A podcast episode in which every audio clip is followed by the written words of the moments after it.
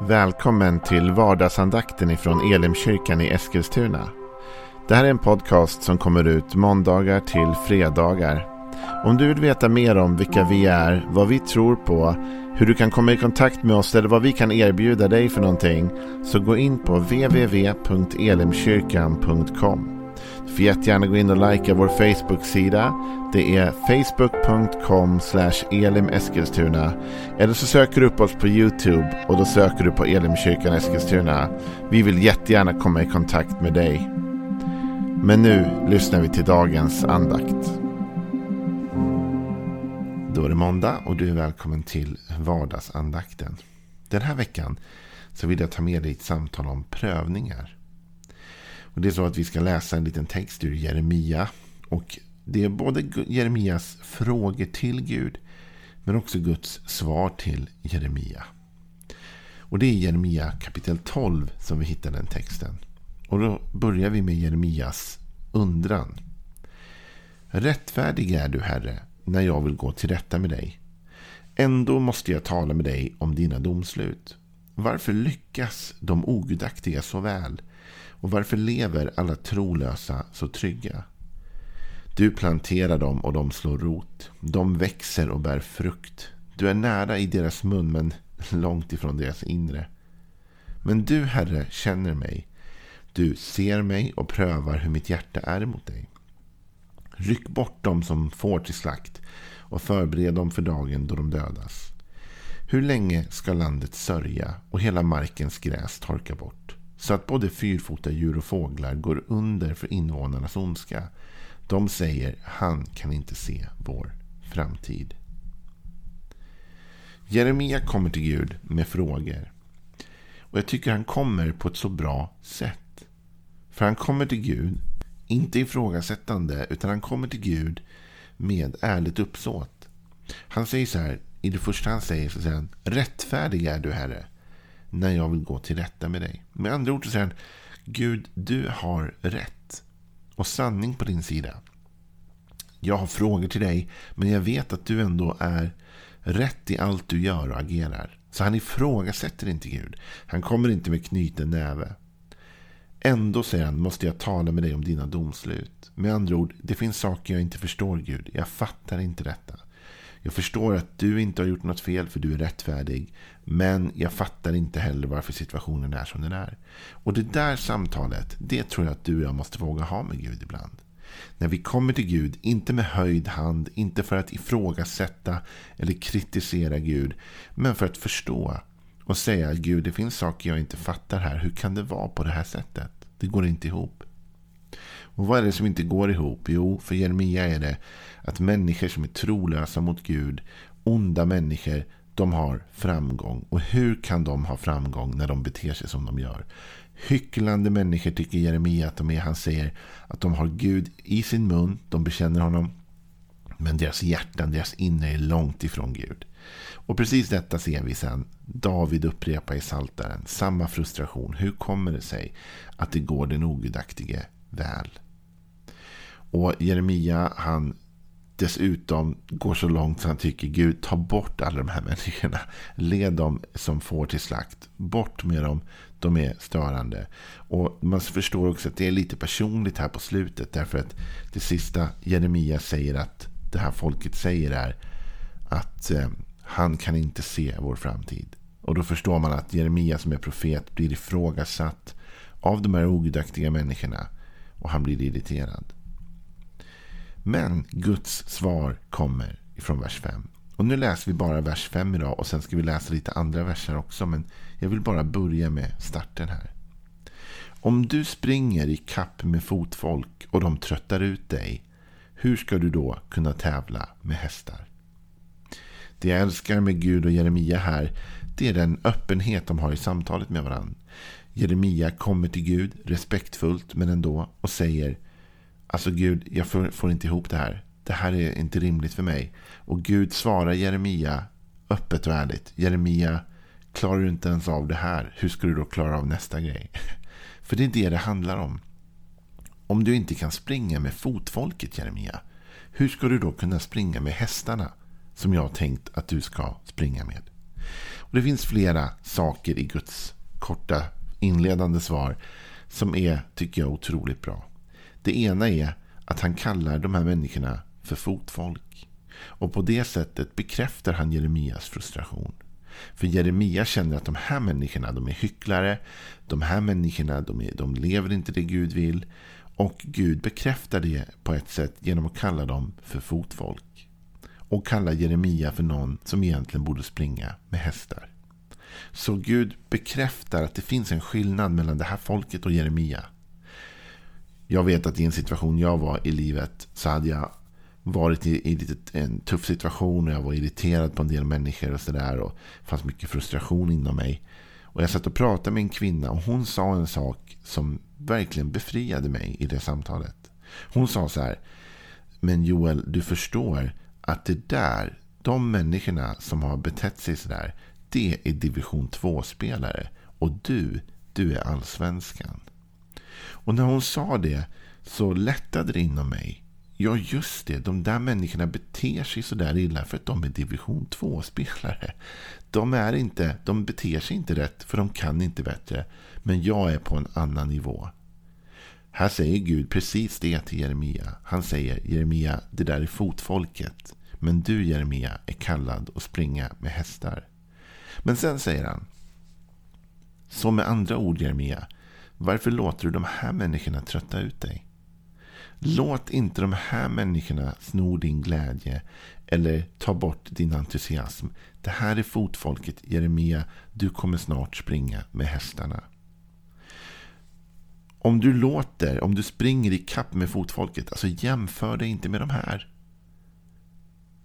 Och de tröttar ut dig, hur ska du kunna tävla med hästarna? Och då kommer vi lite grann till prövningar. För det är det jag vill få tala om den här veckan. Det kanske är så att du går igenom en prövning just nu. Och du tycker det verkligen är jobbigt och verkligen är prövande. Men vet du, din prövning idag kanske bara är till för att förbereda dig för din framtid. Ofta är det så att Gud låter oss gå igenom test, prövningar för att vi ska växa. Men inte för att vi ska stanna här utan för att vi ska vidare. Med andra ord, vi ska till hästarna och springa med dem. Men på vägen dit måste vi först lära oss att springa med fotfolket och springa förbi fotfolket. Upp till hästarnas nivå. David, för att göra det tydligt, han är med om det här när han besegrar Goliat. David, om du kan berättelsen, kommer upp till stridsfältet där Goliat utmanar Israel. Men David är inte där för att strida, han är bara där för att kolla till sina bröder. Men när David hör Goliat blir han upprörd och bestämmer sig för att göra något åt saken. Och det slutar med att David hamnar hos kung Saul och ett samtal utspelar sig. Och vi läser det ifrån första Samuelsboken 17. Man hörde vad David sa och berättade för Saul som lät hämta honom. Och David sa till Saul Låt ingen tappa modet. Din tjänare ska gå och strida mot den där filisten. Och Saul sa till David Inte kan du gå och strida mot den filisten. Du är ju bara en pojke och han har varit en krigare ända från ungdomen. Men David svarade, din tjänare har gått i vall med sin fars får. Kom det ett lejon eller en björn och tog ett får ur jorden så följde jag efter vilddjuret och slog ner det och räddade fåret ur munnen på det. Om vilddjuret då reste sig mot mig så grep jag det i manen och slog det och dödade det. Din tjänare har slagit både lejon och björn och det ska gå den där oomskurne filisten som det gick vartenda ett av de djuren för han har hånat den levande guden. Och David sa vidare Herren som räddat mig från lejon och björn han ska också rädda mig från den där filisten. Då sa Saul till David Gå och må Herren vara med dig. David hade aldrig stridit mot en jätte förut han hade aldrig stridit mot en sån här krigare förut. Det hade ju Saul rätt i. Med andra ord, det här är en annan nivå, David.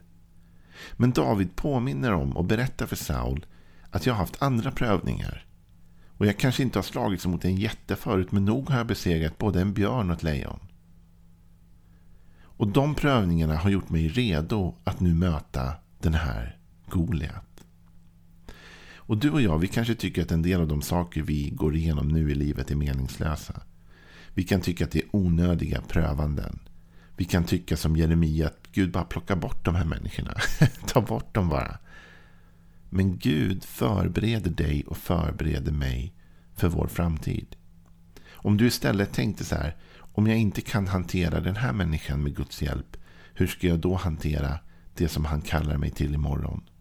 Om jag inte kan besegra den här björnen med Guds hjälp. Eller det här lejonet med Guds hjälp. Hur ska jag då kunna ge mig på Goliat? När du och jag börjar tänka så. Så kanske vi ändå får modet att orka med våra dagliga prövningar. Nej men det här förbereder mig för min framtid. Om jag orkar med fotfolket idag och inte tröttas ut av de här division 2-spelarna så kommer jag kanske att orka med de verkliga motståndarna som jag kommer möta imorgon när jag ska försöka göra Guds kallelse för mitt liv, liksom leva ut den. Då kommer det komma större prövningar och jag måste vara redo för dem. I Lukas så har Jesus i Lukas evangeliet så har Jesus gjort en, berättat en liknelse om en, om en förvaltare. Och då i Lukas 16, vers 9 så säger Jesus som en summering av det. Och jag säger er, skaffa er vänner med hjälp av den ohederlige mammon. Så att de tar emot er i eviga boningar när mammon har tagit slut. Den som är trogen i smått är trogen i stort. Och den som är ohederlig i smått är också ohederlig i stort. Om ni inte har varit trogna med den ohederliga mammon, vem vill då anförtro er den sanna rikedomen? Den som har varit trogen i smått är också trogen i stort. När Gud tar emot Jeremias klagan så säger han samtidigt till Jeremia, Jeremia, jag har större saker för dig. Jag har tänkt att du ska löpa med hästarna.